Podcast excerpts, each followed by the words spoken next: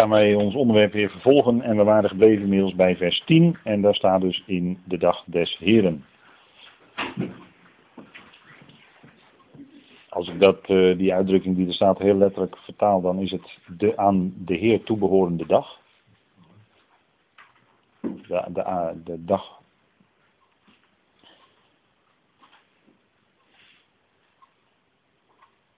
In het, Engels zou je, in het Engels zou je er moeten zeggen the Lord's Day.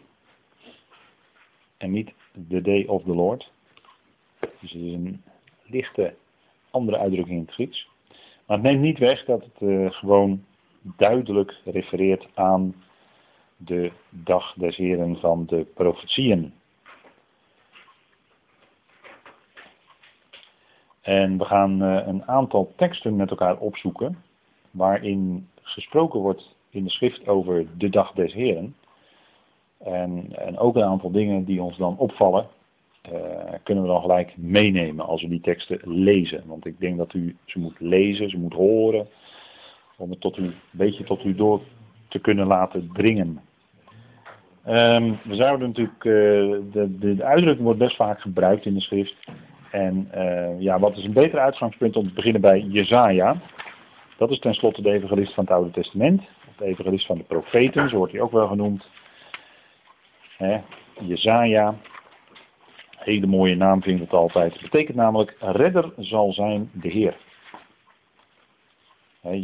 Jezaja, daar hoor je bijna Jehoshua in. Nou, dat is ook niet zo gek, want het ligt ook heel dicht tegen elkaar aan.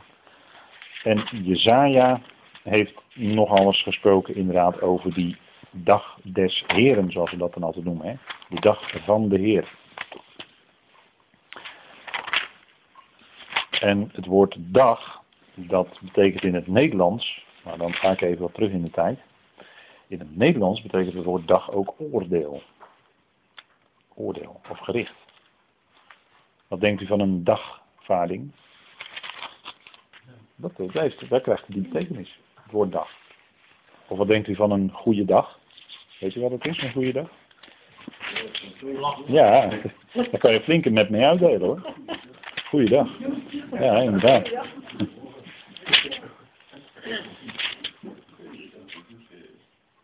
Ja, en vroeger had je in Duitsland bijvoorbeeld de Rijksdag. Nou, dat is ook zoiets. Nou, dat onder andere een vorm van recht gesproken.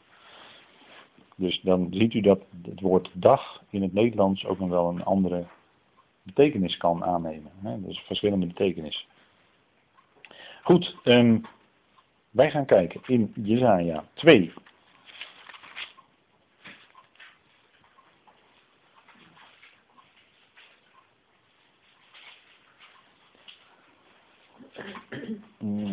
Ja. En dan ziet u ook waarom dat komt. Waarom dat allemaal gaat komen. Vanaf vers 6 lezen we dan even met elkaar. Jezaja 2 vanaf vers 6. Maar u hebt uw volk verlaten, het huis van Jacob. Want zij zijn vol, en er staat een schijngelukt goddeloosheid uit het oosten. Nu komt in de regel wel het licht uit het oosten en het goede, maar soms komt ook andere dingen uit het oosten die een wat andersoortig licht verspreiden, als u begrijpt wat ik bedoel. En daar, daar heeft het hiermee te maken. En zij duiden wolken, zij duiden wolken. Dus een vorm van waarzeggerij, zeg maar. Hè? Dat duiden. Dus, hè? Dat is dus een soort, net zoiets als koffiedik kijken. Net als de Filistijnen. Dat zeg ik heel zachtjes, net als de Palestijnen. En met de buitenlanders slaan zij de handen ineen. Hun land is vol zilver en goud. Er komt geen einde aan hun schatten. Hun land is vol paarden. Er komt geen einde aan hun wagens. Hun land is vol afgoden. Voor het werk van hun handen buigen zij zich neer voor wat hun vingers gemaakt hebben. Zo bukt de gewone man en vernedert zich de man van aanzien, vergeef het hun niet. Ga de rotskloof in, verberg u in het stof, uit angst staat hier dan, voor de Heer, voor Yahweh, vanwege de glorie van zijn majesteit. De hoogmoedige ogen van de mensen zullen neergeslagen worden en de trots van de mannen zal neergebogen worden. Alleen de Heer zal op die dag hoog verheven zijn. En dan gaat het dus om de komst van de dag des Heer. Want de dag van de Heer, daar hebben we hem, vers 12. De dag van de Heer van de legermachten, van Yahweh Zebaoth, zal zijn tegen al wie hoogmoedig en trots is, tegen al wie zich verheft, opdat hij vernederd zal worden. En dat zien we aan de mensen natuurlijk vandaag de dag. De mensen bouwt, bouwt zich een rijk, een wereldrijk. En de mensen leven, heel veel mensen leven vandaag de dag. En denken hun leven te kunnen leven zonder God. En dat is vandaag de dag in Nederland maar al te zeer het geval. En de mens verheft zich, de mens verenigt zich, de Verenigde Naties, de, de, de verenigen zich, verenigen zich nu nog en straks zal het steeds duidelijker worden dat het is tegen de Here en zijn gezalven. En dat is een stukje hoogmoed van de mens. De mens die zichzelf verheft. We leven ook volgens uh, Paulus nu in de dag van de mens. 1 Korinthe 4. De dag van de mens. En dadelijk gaat de overgang beginnen. En daar gaat vooral ook het boek Openbaring over. En ook de profetieën over de komst van de dag des Heren. Die gaan over de overgang van de dag van de mens naar de dag des Heren. De dag van de mens wil zeggen, de mens is zelf hoog verheven. De mens zet zichzelf in het middelpunt. De mens zet zichzelf centraal. De mens zet zichzelf op een sokkel. Het humanisme viert hoogtij en de humaniteit. Dus allemaal zijn dat uitingen daarvan. En het is allemaal zonder God. Nou, die dag van de Heer die zal dus komen tegen al wie zich verheft, opdat hij vernederd zal worden. Want in die dag, de dag van de Heer namelijk, zal de Heer, zal Jawel, zal de Jezus Christus alleen verheven zijn. En de mensen zullen verootmoedigd worden. De mensen zullen vernederd worden. En dan, dan komt hij als de Goel in het Hebreeuws, als de losser, als de verlosser, als de losser. Komt hij als de zoon des mensen, als de Goel. En als zoon des mensen is, dat is in feite de aanduiding van de, van de term Goel, het hoofd van de familie. Denk aan het, wat in de Torah over de Goel staat, de losser, wordt ook genoemd de bloedwreker. Hetzelfde woord in het Hebreeuws. En die kan de familie lossen. En dan komt hij inderdaad als het hoofd van de familie, namelijk als het hoofd van de menselijke familie de mensen, de mensheid, als de zoon van Adam namelijk. Dan komt hij om die mensheid te verlossen. Dus het houdt niet alleen gerichten in, maar uiteindelijk, wat we vanavond ook al heel even met elkaar hebben aangeduid, is die gerichten zijn correctief. En die zullen ertoe leiden dat tot heil, tot zegen uitwerkt voor de mensheid. En dat is denk ik wat we met elkaar goed kunnen vaststellen aan de hand van de schriften. Dus we zien hier dat uh, de mensen vernederd zullen worden. Vers 17 zegt het ook heel duidelijk in uh, Jesaja 2. De hoogmoed van de mensen zal vernederd worden. En de trots van de mannen zal neergebogen worden. Alleen de Heere zal op die dag hoog verheven zijn. Dat is de dag des Heren. Dan zal Hij hoog verheven zijn. En alle mensen zullen zich onderwerpen. Zullen, zullen onderworpen worden. Dus dat is wat de dag des Heren. Dus eigenlijk is een heel mooi onderwerp, de dag des Heren. En dan kijken we even in uh, Joel. Uh, nou even Jezaja, we blijven nog heel even in Jezaja. Jezaja 34. Jezaja 34.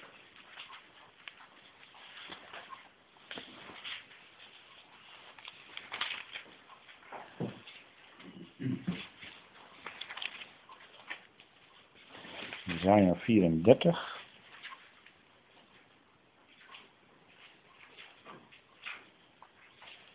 En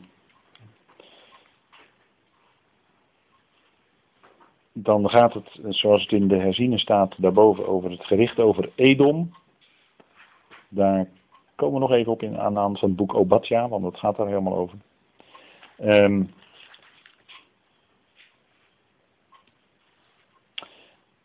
Ik lees met u even vers 4. En er staat heel het sterrenleger aan de Jezaja 34 vers 4. Heel het sterrenleger aan de hemel zal vergaan. De hemel zal opgerold worden als een boekrol. Dat hebben we vanavond ook al even geciteerd met elkaar. Hè? En heel het leger zal vallen, zoals bladeren vallen van een wijnstok en zoals vijgen vallen van een vijgenboom. En dan gaat de Heer gericht houden in Edom. Het zwaard, vers 6, het zwaard van de Heer zit vol bloed. Het is verzadigd van vet, van het bloed van lammeren en bokken, van het niervet van rammen. Want de Heer richt een offer aan in Bosra. Uh, Bosra betekent schaapskooi. Maar dat ligt in het gebied van Edom. Een grote slachting in het land van Edom. Kijk, dit is eigenlijk een parallelisme hè, wat hier staat. De Heer richt een offer aan in Bosra. Een grote slachting in het land Edom. En Bosra, dat ligt in Edom. Dat ligt namelijk ook in dat gebied waar Petra ligt. Bosra betekent schaapskooi. Als u Petra zou bezoeken, dan zou u ook in dat gebied terecht kunnen komen.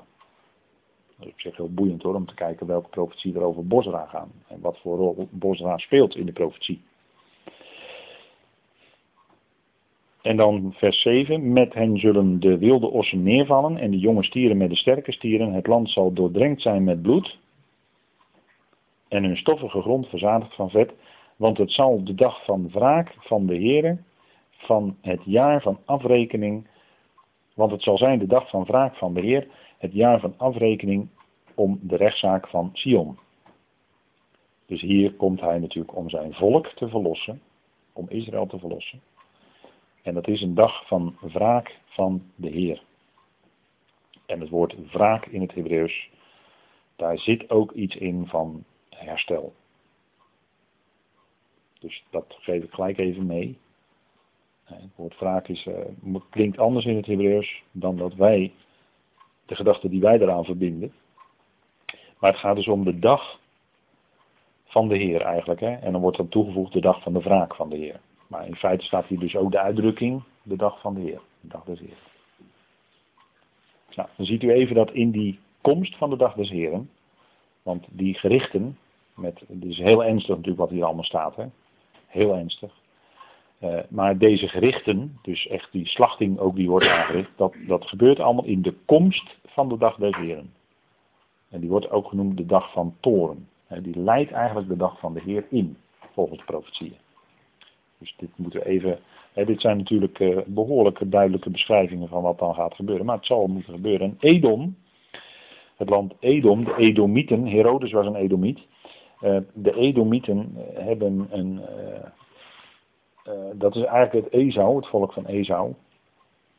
En daar zitten ook wat verbindingen in met de Filistijnen of de Palestijnen. Tegenwoordig heten ze Palestijnen, maar goed. Uiteindelijk komt het op hetzelfde neer. Je hebt weer dezelfde omstandigheden. Als je in het land dezelfde omstandigheden hebt, dan gaan bepaalde profetieën in vervulling. Goed, uh, wij gaan nog even verder kijken naar de dag des Heren. Dat is in uh, Jeremia 46. Jeremia 46. En dan gaat het ook over de dag van wraak. Want zo wordt de inleiding op de dag des Heren ook genoemd. Jeremia 46.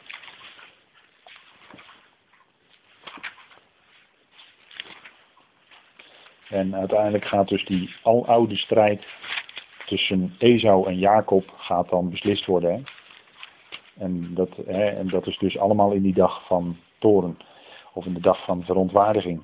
En ehm, dan wordt ook de aloude strijd tussen Isaac en Ismaël beslecht. Dan zal ook uiteindelijk Amalek of de Amalekieten, of wat daarvan over is, die zullen dan ook verslagen worden. Maar goed, daar komen we nog wel eens op terug. Uh, of, sorry, Jeremia 46 vers 10. En we lezen even vanaf vers 9. Kom op, paarden, raas, strijdwagens, laat de helden uittrekken, de Cushieten, de Puteërs, die het schild hanteren, de Lydiërs, die de boog hanteren en spannen. Deze dag is van de Heer, de Heer van de legermachten, Jawel Zeeboot, een dag van wraak om zich te wreken op zijn tegenstanders. Het zwaard zal verslinden en verzadigd worden en dronken worden van hun bloed. Want het is een slachting voor de Heer, de Heer van de legermachten in het land in het noorden aan de rivier de Uifraat. Ja, dan zijn we dus bij Babel. Hè? Babel, Babylon. Daar, eh, dat is het hart van de tegenstander. Zoals ook uitgebreid beschreven in openbaring 17 tot en met 19. En heel uitgebreid beschreven in Jeremia 50 en 51. kunt het heel gedetailleerd zien. Babel. Toen ik het woord Amalekieten zei, dacht ik namelijk aan Babel. Maar ik zei het nog niet, maar het komt hier gelijk op tafel. Hè? En dat is wat eigenlijk ook te maken heeft met de, een lijn is met de Amalekieten. Maar goed, ehm, we gaan even verder naar um, naar de Joel, de profeet Joel. Dat betekent ja is God. Jeremia betekent ja is verheven. De naam Jeremia, profeet, ja is verheven. Jeremia, rem is rim, of rama, of rimon. Heeft allemaal verbinding daarmee, dat betekent verheven of hoogte. En uh, zo is de naam ja is verheven, is dan eigenlijk de vertaling van de naam Jeremia. Nou, Joel betekent ja is God. En Joel die spreekt ook over de dag des Heren in hoofdstuk 1.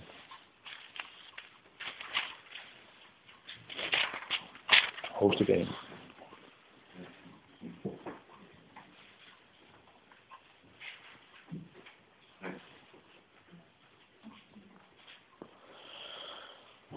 vers 14.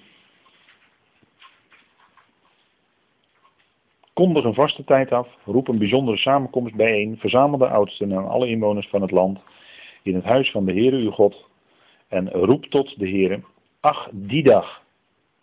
Ja, de dag van de Heer, jawel, is nabij. Hij zal komen, ziet u, dat het hier gaat om de komst van die dag. Hij zal komen als een verwoesting van de Almachtige. Is het niet voor onze ogen hun voedsel weggenomen uit het huis van onze God, blijdschap en vreugde? Honger, hè, vers 16, honger. Denk aan het uh, derde, derde zegel, openbaring 6. Er wordt ook gesproken over honger. Openbaring 6, derde zegel. En hij komt als een verwoesting van de Almachtige, verwoesting. Waar denkt u dan aan? dan denken we toch aan Daniel 9. Dat tot het einde toe vastbesloten verwoestingen zullen zijn. Ook het woord verwoesting. En dat zegt het gericht aan over Jeruzalem en het land en het volk. Daniel 9, verwoesting van de Almachtige. Uh, vastbesloten verwoestingen tot het einde. Er zal strijd zijn tot het einde en ook verwoestingen tot het einde. Waarom? Nou, dat hebben we ook al gelezen met elkaar men dient de Heer niet in het land. En als men als Israël niet de Heer dient in het land, dan heb je dezelfde omstandigheden als in het verleden. En in het verleden kwam er onherroepelijk het gericht van God, namelijk verwoesting. Het land ontvolkt. En dat zal in de toekomst ook weer gaan gebeuren, want je hebt nu dezelfde omstandigheden. Het volk is in het land, maar ze dienen de Yahweh niet. Ze dienen hele andere dan Yahweh. En dus heb je nu dezelfde omstandigheden. Ze zijn in het land, maar daar moeten ze de Heer dienen. Doen ze niet. En dus krijg je verwoestingen. En dat, dat is gewoon elke keer weer consequent. Dezelfde omstandigheden. Daar komt het gericht van God op. Babel voerde Israël weg onder koning Nebukadnezar. Koning Zedekia werd weggevoerd. En dat, dat waren dezelfde omstandigheden. Ja, dat is, het is niet anders. En, en daarom uh, heb ik al vaker gezegd, zoals de staat Israël nu is, is het heel mooi om te bezoeken en Jeruzalem te zien. En ik heb het zelf ook gedaan. Alleen, het is ongelovig. En dat vervulde de Heer Jezus met verdriet hoor. Op de dag dat de verborgenheid begon, weende hij over Jeruzalem. Omdat ze de tijd van hun bezoeking niet hadden gekend. En ze hadden het kunnen weten. Dat is wat de Heer hen, over hen uitspreekt. En, en, en ze hebben de tijd niet eh, gezien van hun bezoeking. En daarom zegt de Heer dan ook in Lucas 19, en zie, nu is het verborgen voor uw ogen. Begin van de verborgenheid. Dat was de laatste dag van de 69 jaarweken van Daniel. En vanaf dat moment begon in feite de verborgenheid. En die zal duren, ja, totdat inderdaad die 70ste week begint. En dan gaat, het weer, gaat de Heer weer geopenbaard worden. Vandaar openbaring, de onthulling van Jezus Christus. Die wordt in dit boek beschreven.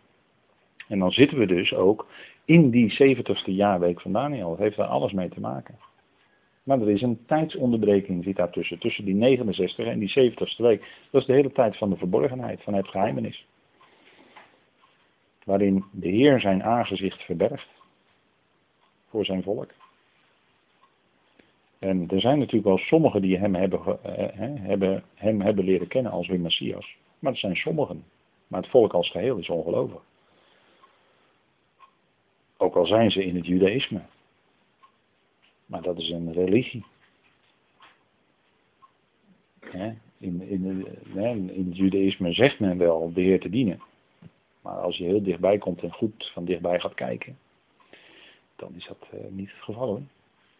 Dan staan ze vijandig tegenover de Heer Jezus. Ja, sorry, maar dat, is, dat is nou eenmaal een feit. En eh, nog steeds is het nu zo dat de Heer zijn aangezicht voor de wereld verbergt. En de mensen zich ook afvragen, waar is God?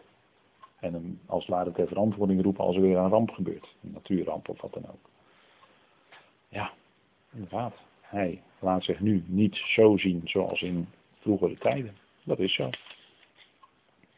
Maar dit komt dus, en de, die dag die gaat dus komen, hè? Joel heeft het voorzegd.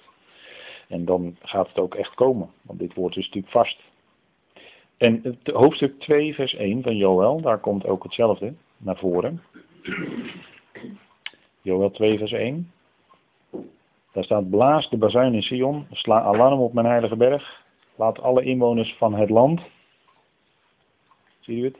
Het land, sidderen, want de dag van de Heer komt, ja, hij is nabij. Het is een dag van duisternis en donkerheid, een dag van wolken, ja, donkere wolken zoals de dageraad zich over de bergen verspreidt. Verspreidt zich een groot en machtig volk zoals er niet geweest is van oude tijden af en hierna niet meer zal zijn. jarenlang van generatie op generatie. Ervoor verteert een vuur, vers 3. Erachter verzenkt een vlam. Aanduiding van gericht ook, hè. Ervoor is het land als de Hof van Eden en erachter is het als een woeste wildernis. Er komt verwoesting. Dus hier zien we in feite hetzelfde. Hè?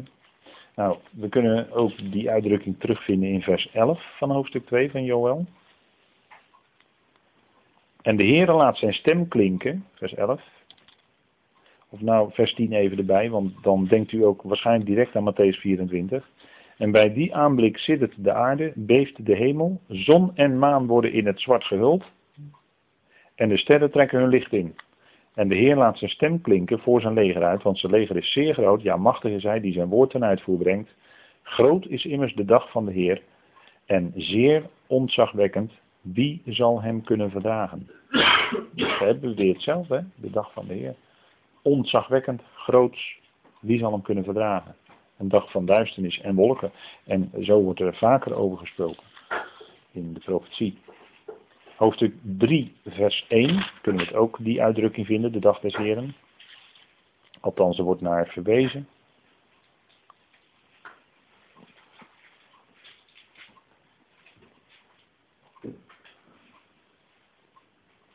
Dan de, natuurlijk de bekende profetie hoofdstuk 2 eh, vers 30. Ik zal wondertekenen geven aan de hemel en op de aarde, bloed en vuur en rookzuilen.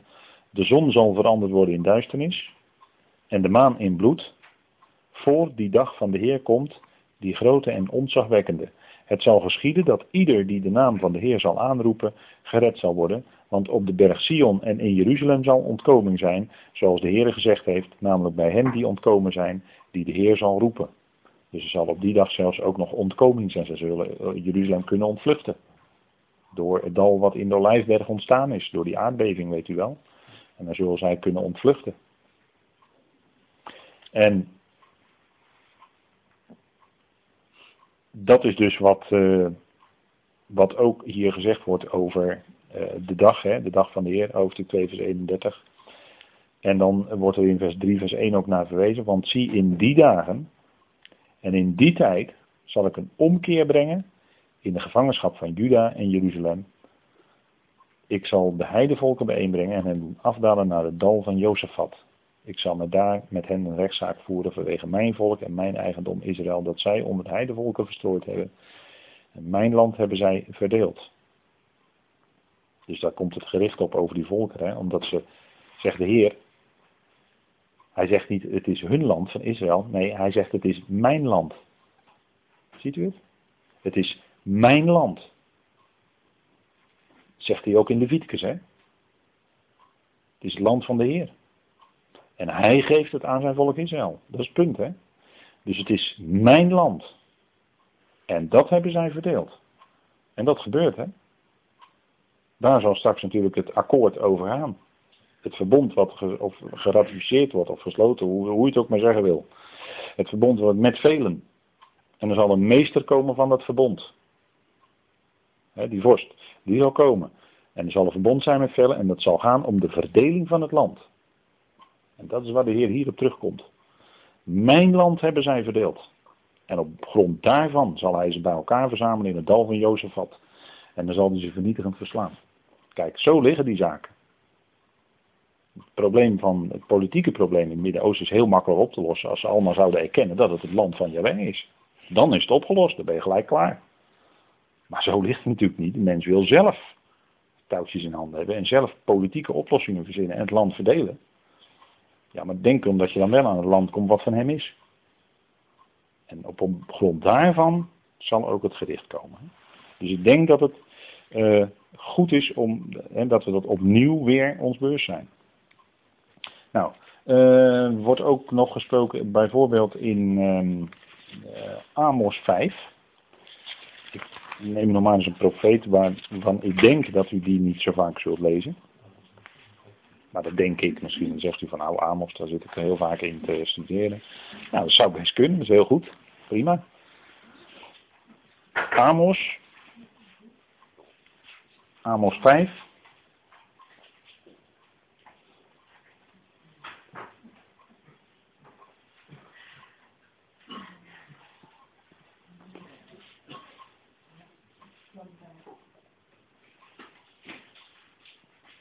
Een merkwaardige profetie eigenlijk. Hè?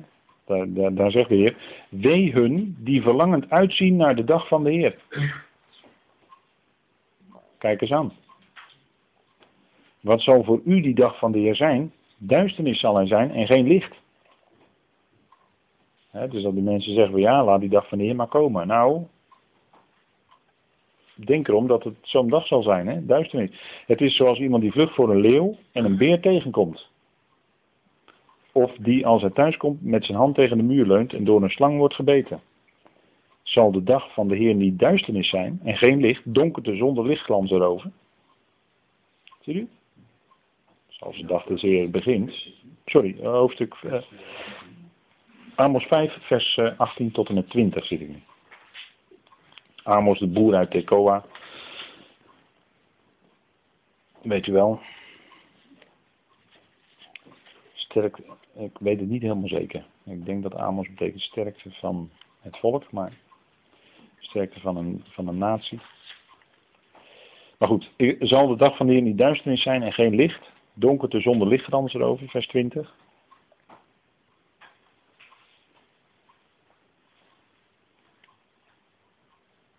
Dus hier wordt ook verwezen naar die dag des Heren. Hè?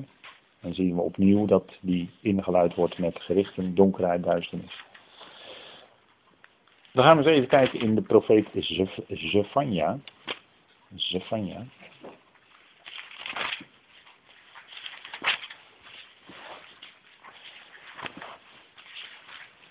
Micha, Nahum, Habakkuk, Zefania. Ooit op school geleerd natuurlijk. bij alle Bijbelboeken uit je hoofd leren op school. Nou, dan had je dit rijtje, dit rijtje komt dan terug. Hè? Even kijken, hier is Sefania 1 en dan vers 7. Daar wordt ook de dag des Heren genoemd. Wees stil voor het aangezicht van de Heer Yahweh, want nabij is de dag van Yahweh. Ja, Yahweh heeft een offer bereid en zijn genodigden geheiligd.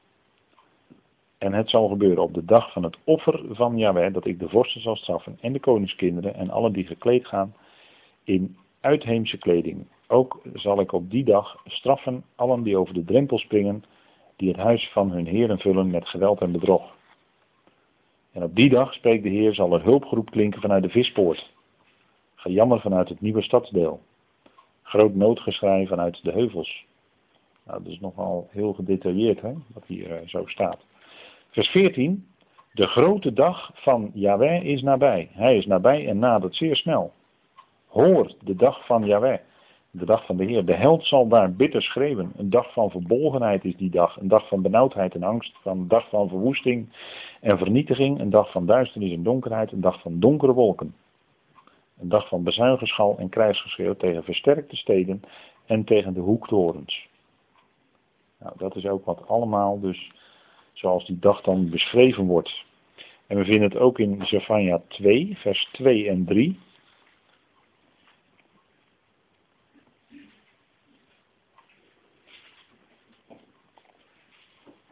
Onderzoek uzelf nauwkeurig, ja, onderzoek uzelf. Volk zonder verlangen naar God, voordat het besluit het licht ziet.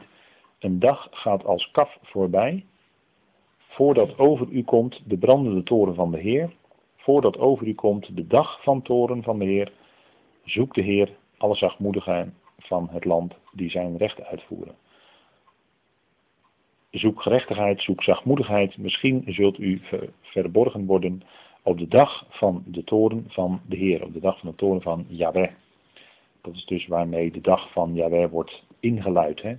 met de dag van uh, verontwaardiging van toren.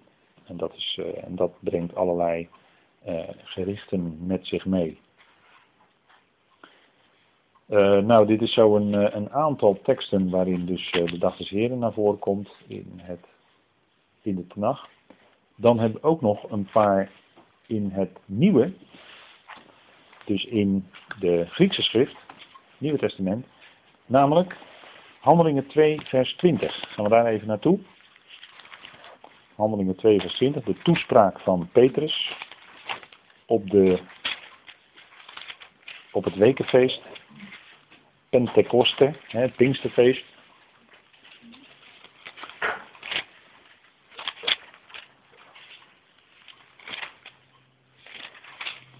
Handelingen 2, vers 20. En dan citeert Petrus de profeet Joël. En even omwille van de tijd begin ik te lezen in vers 19. Ik zal wonderen geven in de hemel, boven, en tekenen op aarde beneden, bloed, vuur en rookwalm. De zon zal veranderd worden in duisternis en de maan in bloed, voordat de grote en onzagwekkende dag van de Heer komt. En het zal zo zijn dat ieder die de naam van de Heer zal aanroepen, zalig zal worden. Nou, dat hebben we ook al met elkaar gelezen in Joel. Hè? Dus als die dag komt, dan zal eerst deze tekenen aan de zon, de maan en ook de sterren gebeuren. Dan zal de hemel teruggerold worden als een boekrol. Dan zegt u dat is mooie beeldspraak. Maar denk er maar eens over na. Misschien, in hoeverre je dat letterlijk moet zien, weet ik niet, maar denk er maar eens over na. En dan uh, vinden we deze uitdrukking, dus hier staat heel duidelijk voordat de dag van de Heer komt. Hè, dus het gaat gepaard met die komst van de dag van de Heer. En dan uh, even kijken hoor, uh, 1 Thessalonicense 5 vers 2. 1 Thessalonicense 5 vers 2.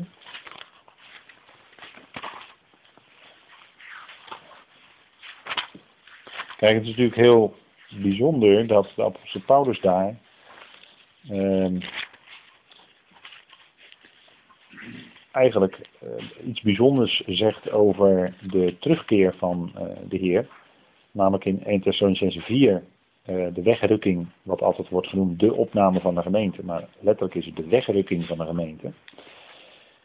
Het is toch heel bijzonder dat Paulus daar eerst over schrijft in het vierde hoofdstuk en daarna in het vijfde hoofdstuk over de dag des Heren spreekt. Chronologisch dus, hè. Dat is even uw aandachtspunt. Want de, ook dat wordt al, al maar ter discussie gesteld of de gemeente dan uh, op de helft of aan het eind van de 70ste jaarweek pas weggerukt wordt. Uh, er zijn theorieën van nog later. Nou ja, dan zeg ik theorieën. Want Paulus is in deze Thessalonicense toch wel eigenlijk heel duidelijk. Hij zegt dat wij niet gesteld zijn tot toren, tot verontwaardiging, maar tot eh, het, het, ontvangen of toe-eigenen van de redding door onze Heer Jezus Christus.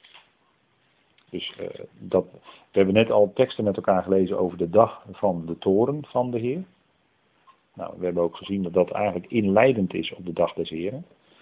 Ehm, en als uh, Paulus dan in deze brief diverse keren duidelijk aangeeft dat wij als gelovigen van het lichaam van Christus niet gesteld zijn tot toren of tot verontwaardiging. Nou, dan betekent dat heel eenvoudig dat wij dus die dag van toren niet mee gaan maken.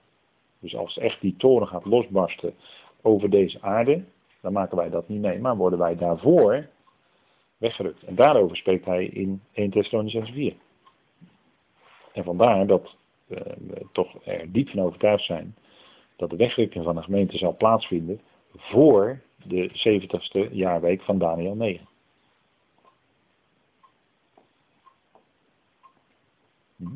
Dus ik denk dat dat uh, toch uh, voor ons uh, een, een, aandachtspunt kan zijn, hè, daar goed over na te denken, ons dat bewust te zijn. Nou goed, 1 Thessalonians over 4 zullen we het nu even niet hebben, maar 5 wel, 5 vers 1. Maar wat de tijden en gelegenheden betreft, broeders, is het voor u niet nodig dat men u schrijft, want u weet zelf heel goed dat de dag van de Heer komt als een dief in de nacht. Is een vergelijking, hè? Dus zo het onverwachte karakter van een dief die toeslaat, in de nacht altijd, hè, altijd in de nacht, tenminste meestal. En dat zo onverwacht zal voor de wereld die dag van de Heer dus komen. u weet zelf heel goed dat de dag van de Heer komt als een dief in de nacht. En hier wordt dus verondersteld, Paulus was maar heel kort in Thessalonica geweest om te prediken, maar hij had daar heel ernstig, denk ik, gesproken, toch vanuit de profetieën. Deze profetieën die wij ook vanavond met elkaar lezen. Daar ben ik van overtuigd. Anders zou hij niet op deze wijze kunnen schrijven aan de gelovigen in Thessalonica. En dan zegt hij, want wanneer zij zullen zeggen er is vrede en zekerheid of veiligheid, dan zal een onverwachte, een onverwacht verderf, een woord wat er staat betekent eigenlijk een algehele ineenstorting of een, een totale ruïnering, hoe je het ook noemen wil, hun overkomen zoals de banen zweeën een zwangere. En zij zullen het beslist niet ontvluchten. En ik denk dat dit vers heel specifiek wijst op de situatie in Israël en rondom. De situatie die dan in het Midden-Oosten zal zijn.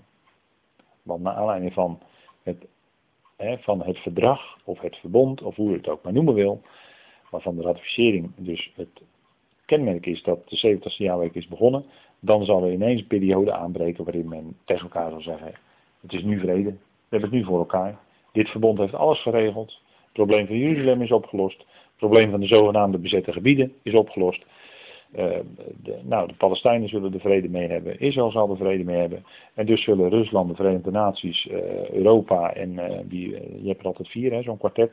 Die zullen er allemaal mee tevreden zijn. En iedereen zal zeggen, nou jongens, we hebben het nu voor elkaar. Vrede en zekerheid, veiligheid op de hele wereld. Want in het Midden-Oosten is het ook voor elkaar.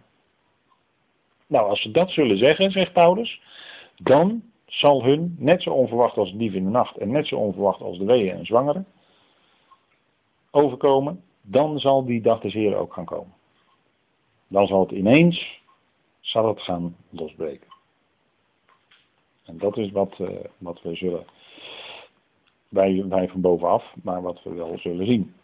Maar u broeders, zegt uh, Paulus tegen, de, tegen ons als gelovigen, maar u broeders bent niet in duisternis, zodat die dag u als een dief zou overvallen.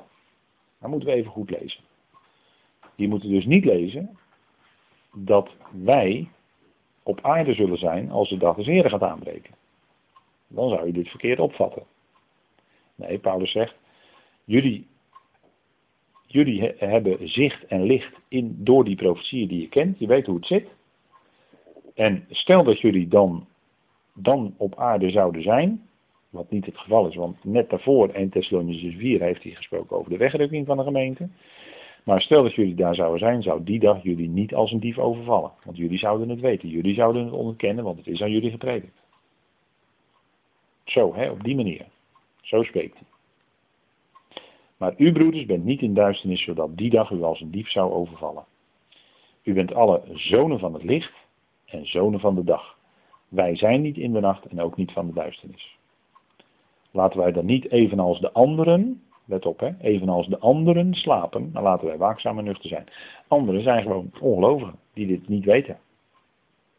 En die slapen, en die zullen ook, hè, net zoals een dief hen overvalt s'nachts, want s'nachts lig je te slapen en een dief overvalt je dan. Maar hij zegt, nee, wij zijn zonen van de dag. Wij horen bij het licht, wij zijn zonen van het licht. Dus wij, wij, eh, ons zou dat nooit zo op die manier kunnen overkomen. En dan gaat hij door en dan zegt hij inderdaad in vers, uh, in vers 9 als extra bevestiging, want God heeft ons niet bestemd tot toren of tot verontwaardiging. Met andere woorden, voordat die dag des torens gaat aanbreken, zijn wij weg. God heeft ons niet gesteld tot toren, ziet u het? Niet bestemd, maar tot verkrijging van de redding. Door onze Heer Jezus Christus. En over welke redding heeft hij het dan? Nou, die van 1 Thessalonicense 4, heeft hij net gezegd. Die redding is dat. Voor de toren. voor de verontwaardiging. Dus, en het is hij die voor ons stierf, opdat wij, en zelfs als wij geestelijk zouden inslapen, geestelijk gezien, hè, het zij we waken, het zij wij slapen, dus zelfs als wij geestelijk zouden slapen of sluimeren, samen met hem zouden leven. Kijk, die bazijn die doorbreekt dan ineens alles. En er zijn vandaag aan de dag genoeg gelovigen die geestelijk ingeslapen zijn. En die denken van, allemaal van, nou het zal mijn tijd nog wel duren en alles blijft toch hetzelfde gaan zoals vanaf de schepping der wereld of zoals vanaf uh, de dagen van Noach. En het, zal, uh, ja, het, zal, uh, het kan best nog wel 100 jaar duren, zeggen ze dan. Het kan best nog wel 200 jaar duren misschien.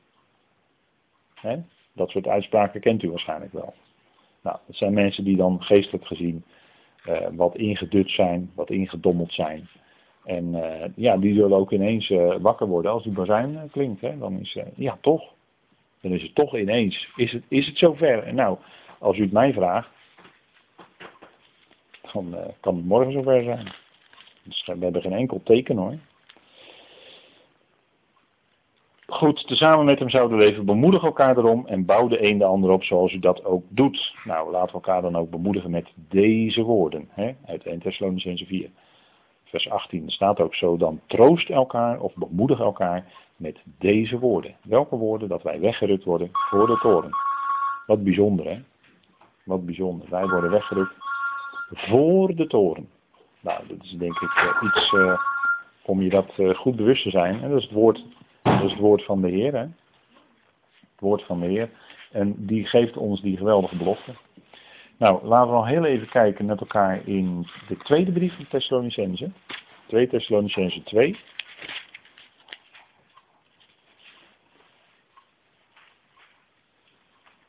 En dan ziet u dus waar het omspande in die gemeente. Dus daar was verwarring over.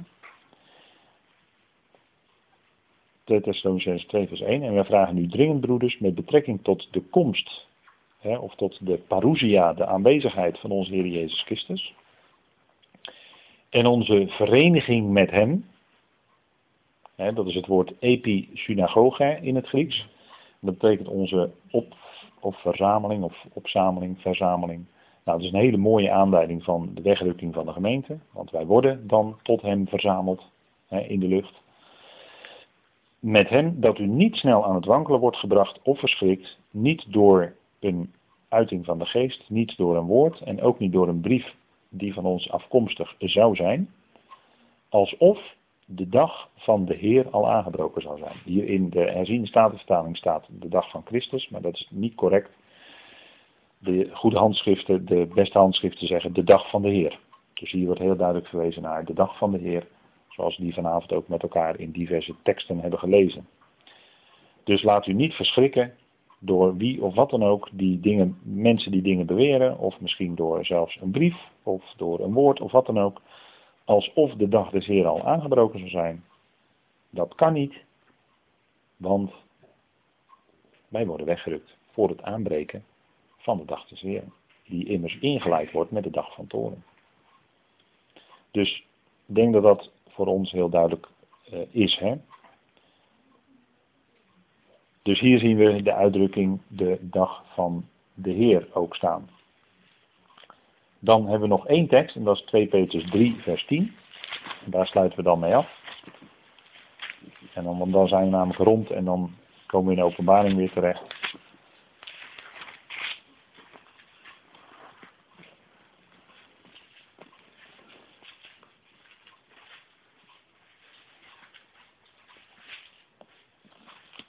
2 Petrus 3.